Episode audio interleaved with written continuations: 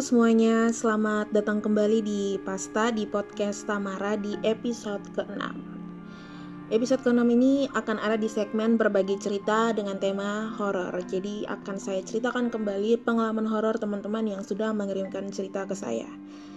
Oke, sebelum kita mulai ke cerita yang pertama atas nama Pasta dan juga atas nama pribadi Saya mau mengucapkan turut berduka cita atas meninggalnya korban COVID-19. Semoga arwahnya diterima di sisinya dan juga ini menjadi pembelajaran buat kita semua agar dapat menghargai waktu dan juga kesehatan. Semoga kita semua bisa menjalani social distancing sebagaimana aturan yang sudah berlaku secara tingkat internasional dan hal ini juga bisa memutuskan mata rantai dari wabah virus corona. Semangat terus dan stay healthy. Oke. Okay. Cerita yang pertama ini datang dari AI. Itu ceritanya seperti ini, guys. Pengalaman horor pertama beta itu terjadi di tahun 1994. Waktu masih duduk di bangku kelas 1 SD. Waktu itu biasalah anak SD, sekolahnya pagi jam 7, pulangnya jam 10. Saya sangat dekat dengan mama dari nenek saya atau oyang saya tapi saya panggil oyang saya itu Bibi. Setelah habis sekolah, saya pulang dan langsung ke rumah sebelah. Seperti biasanya, karena bibi saya suka menyiapkan makanan. Dan seperti biasa saja, ada teh, susu, dan air putih. Saya pulang sekolah, saya sampaikan salam ke bibi. Assalamualaikum bi, terus dijawab waalaikumsalam. Terus saya bilang, bibi saya mau makan. Terus bibi saya bilang, ada apa di situ nak lihat sendiri, mau minum apa nak pilih sendiri. Sangat tidak ada yang menjanggal, sangat seperti biasanya. Padahal kenyataannya bibi saya ternyata sudah meninggal di pagi hari dan di dalam kamarnya. Dan itu sangat-sangat membuat saya kaget. Bibi saya ternyata sudah meninggal dari pagi hari dan itu di kamarnya. Dan yang menjadi pertanyaannya adalah siapa yang menyambut kedatangan saya. Itu su cerita horor saya. Waduh. AI. Sebelum uh, dia kirim cerita ini, kita sudah sempat ketemu dan ya kita uh, share soal pengalaman horor. Dan saya bilang sudah kakak uh, ketik sa itu terus kirim ke saya biar saya bisa bikin saya bisa apa baca gitu kan baca ceritanya. Nah memang waktu dia cerita itu memang uh, dia waktu itu kan masih kelas 1 SD jadi benar-benar dia belum terlalu mengerti lah soal yang kayak gituan antara mengerti atau tidak itu tahu kan anak SD nanti kalau dia udah agak mengerti sedikit terus baru diceritakan kembali lagi terus dia ingat-ingat oh iya saya pulang sekolah ke sini ke situ. Dan menurut saya ini sangat uh, ini horor ya. Dan saya pikir beberapa dari pastamania saat ini yang mendengarkan uh, podcast saya pasti punyalah pengalaman seperti ini. Dan yang punya pengalaman seperti ini bisa kalian komen di Instagram @podcasttamara Kalian yang belum follow, jangan lupa follow Instagram kami biar bisa kita sama-sama sharing. Oke, okay. kita lanjut ke cerita yang kedua. Cerita yang kedua ini datang dari Adit. Oke, okay. kita langsung lihat ceritanya. Pengalaman horor yang beta alami itu awal 2015 dekat Bepung Rumah. Bepurumani di Oibobo sini, jalur Bemo lampu 5 dan lampu 6, dekat dengan SPBU Oibobo. Nah, waktu itu beta ada dengan kawan. Beta dan keluarga sama sekali sonde ada pengalaman untuk bisa lihat hal yang aneh-aneh begitu. Hanya pas itu malam, lewat dengan kawan dengan motor, masuk dalam gang. Nah, ini gang nih ada tanjakan sedikit naik tanjakan sedikit, Ju posisi beta yang bawa motor. Dan akhirnya beta langsung stop. Karena di depannya ketong itu, di tengah-tengah jalan, di tengah-tengah gang, ada satu mak-mak pakai daster dan itu kejadiannya sekitar jam 10 malam dan itu masih sedu. Nah perasaan sudah son enak lay. Terus kawan bilang, jalan sue tunggu apa lay. Jadi bebe bilang, lihat dulu itu tante kayak ngeri ya. Habis omong begitu dia langsung balik. Dia pun muka pi ketong dua, kasih tunjuk dia pun muka pi beta dan bebang kawan. Dan langsung ketong dua bata reak, tutup mata dan hardik dalam nama Yesus. Dan tiba-tiba sa itu mama hilang. Waktu itu tuh mau bergerak sangat sonde bisa. Kayak tak kancing. Dan beta masih ingat dia pun muka. Sangat-sangat ngeri. Beta masih ingat dia punya muka dan gigi. Nah di pun muka tuh sangat pucat, putih, kayak kapas. Setelah itu, tiba-tiba saat itu kejadian habis, itu gang yang awalnya sepi, langsung rame. Ada motor dong lalu lalang. Itu kakak beta pun cerita. Semoga mengerti. Oke, edit satu yang beta tangkap. Setan pakai daster. Uh, beta juga punya pengalaman horor. Cuman bisa pernah lihat tuh setan pakai daster. Oke, lu bawa motor, terus lu stop karena ada orang di tengah jalan. Dan beta coba membayangkan itu jalan di Oibobo. Dan sepertinya sepertinya ini masih sepertinya ya jalan yang itu adalah ya antara Palapa dan ya saya tahu lah pokoknya soalnya jalannya ada tanjakan oh tadi dibilang di dalam gang berarti gang yang itu yang saya maksud semoga kalau ada teman-teman yang dengar terus bisa tahu gangnya di mana bisa langsung DM di @podcast Tamara oke okay? Oke, kita lanjut di cerita yang ketiga dari Gaby.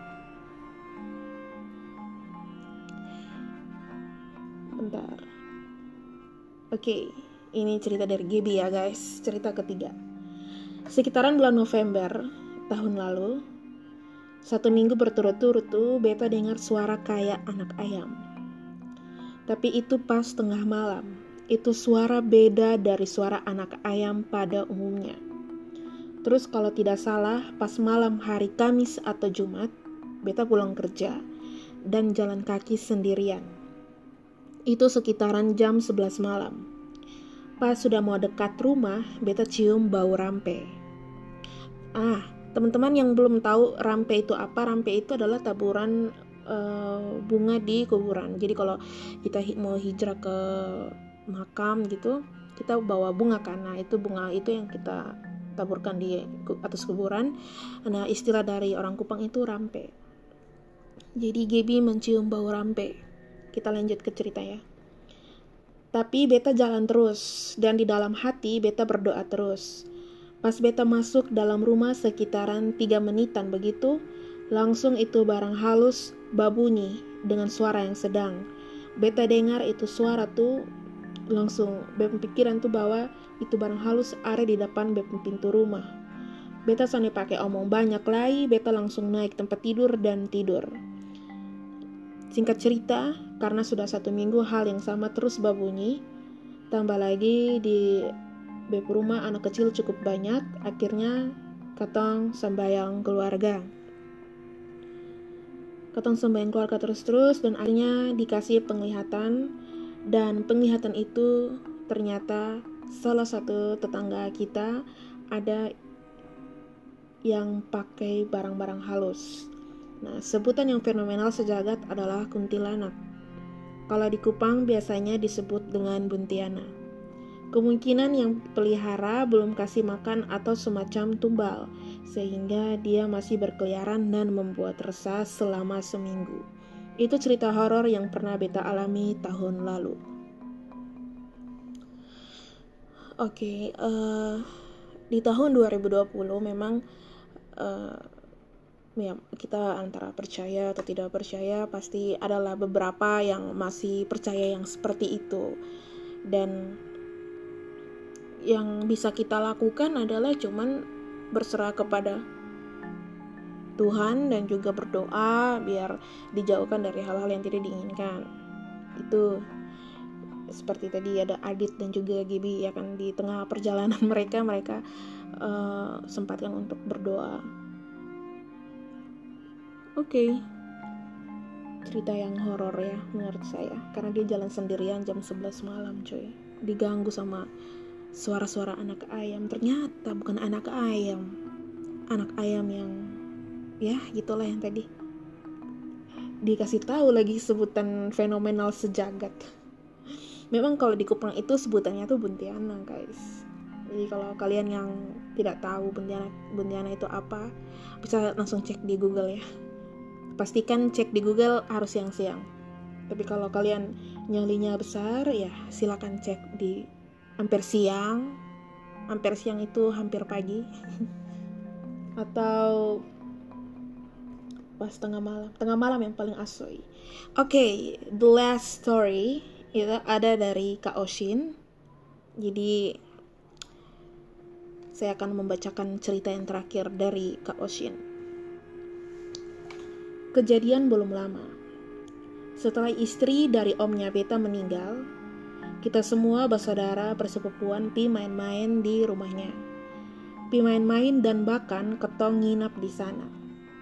Temani anaknya juga, mengingat kondisi rumah yang besar juga dan istilahnya kita ke sana untuk hibur dari kesepian. Nah, sebelum kita pergi di sana dan nginap, kakak-kakak kita yang sebelumnya suka menginap juga di rumah punya cerita soal rumah ini. Katanya rumahnya agak angker karena selalu ada gangguan kalau mau tidur. Beta anggap biasa sah, soalnya ketong semua yang mau tidur malam hari itu kurang lebih 10 orang. Pas malam, ketong mau tidur. Dan Kamar yang bisa tampung 10 orang adalah kamar di almarhumnya istri om saya. Akhirnya kita semua tidur di kamar itu karena kamar itu cukup besar. Oke. Okay. Nah, tempat tidur itu di tengah-tengah dan ada jendela di sampingnya yang jende, ada jendela di sampingnya yang besar dan itu lima koseng berjejeran jendelanya. Nah, dari 10 orang ini, tidak ada yang mau tidur dekat jendela. Akhirnya saya memutuskan bahwa ya sudah, saya saja yang tidur dekat jendela. Akhirnya biasalah, kita kadang tidurnya lat, karena kalau semua berkumpulan pasti harus cerita-cerita dulu. Akhirnya waktunya untuk tidur. Nah, waktu tidur, beta sonde bisa membelakangi jendela karena rasa kayak sondenya mansa. Jadi beta tidur menghadap jendela. Nah, pas di pertengahan perjalanan tidurnya beta, uh, beta juga lupa beta buat apa. Beta tersadar, kaget bangun. Pas buka mata, ternyata ada nenek-nenek menghadap dan lihat ke arah beta dan langsung mendekat dari luar jendela ke dalam rumah dan kasih kaget di mukanya beta. Wah, oh dan dikasih di sini ada tulis wah. Jadi dan oke okay, saya baca ulang ya. Ada nenek-nenek menghadap dan lihat ke arah beta dan langsung mendekat dari luar jendela ke dalam rumah dan kasih kaget di depan muka sambil bilang, "Wah." Dan beta langsung kaget dan tiba-tiba Sonde bisa bergerak. Sonde bisa teriak sekitar satu jaman. Dan akhirnya ketika Beta bisa bergerak kembali, Beta langsung kasih bangun saudara di sebelah, terus kasih tahu kalau Beta ketindihan. Terus saudaranya cuman bilang, oke okay, oke, okay, kalau gitu tidur leh. Dan Beta tetap tidur kembali dan tetap menghadap ke jendela. Oke, okay. itu adalah cerita dari Kak Oshin. Soal ketindihan, oh, siapa sih yang nggak pernah ketindihan? Saya kira kita semua hampir sebagian besar pernah lah ketindihan. Nah, aku punya pertanyaan. Kenapa kalau ketindihan itu datangnya harus dari jendela? Iya kan? Tapi ada juga yang bilang kalau orang ketindihan itu karena dia kecapean atau salah tidur. Tapi ya, cobalah kalian alami sendiri ya memang sangat sulit dijelaskan. Nah, Oshin, kamu uh, dia dari jendela terus tiba-tiba dekat di muka terus dia kasih kaget terus kasihan banget ya lu ya. Lu kasih bangun saudara lu untuk dapat dapat kekuatan tapi saudara lu suruh tidur. Itu jam berapa woi? Itu pasti lagi ngantuk-ngantuknya ya kan?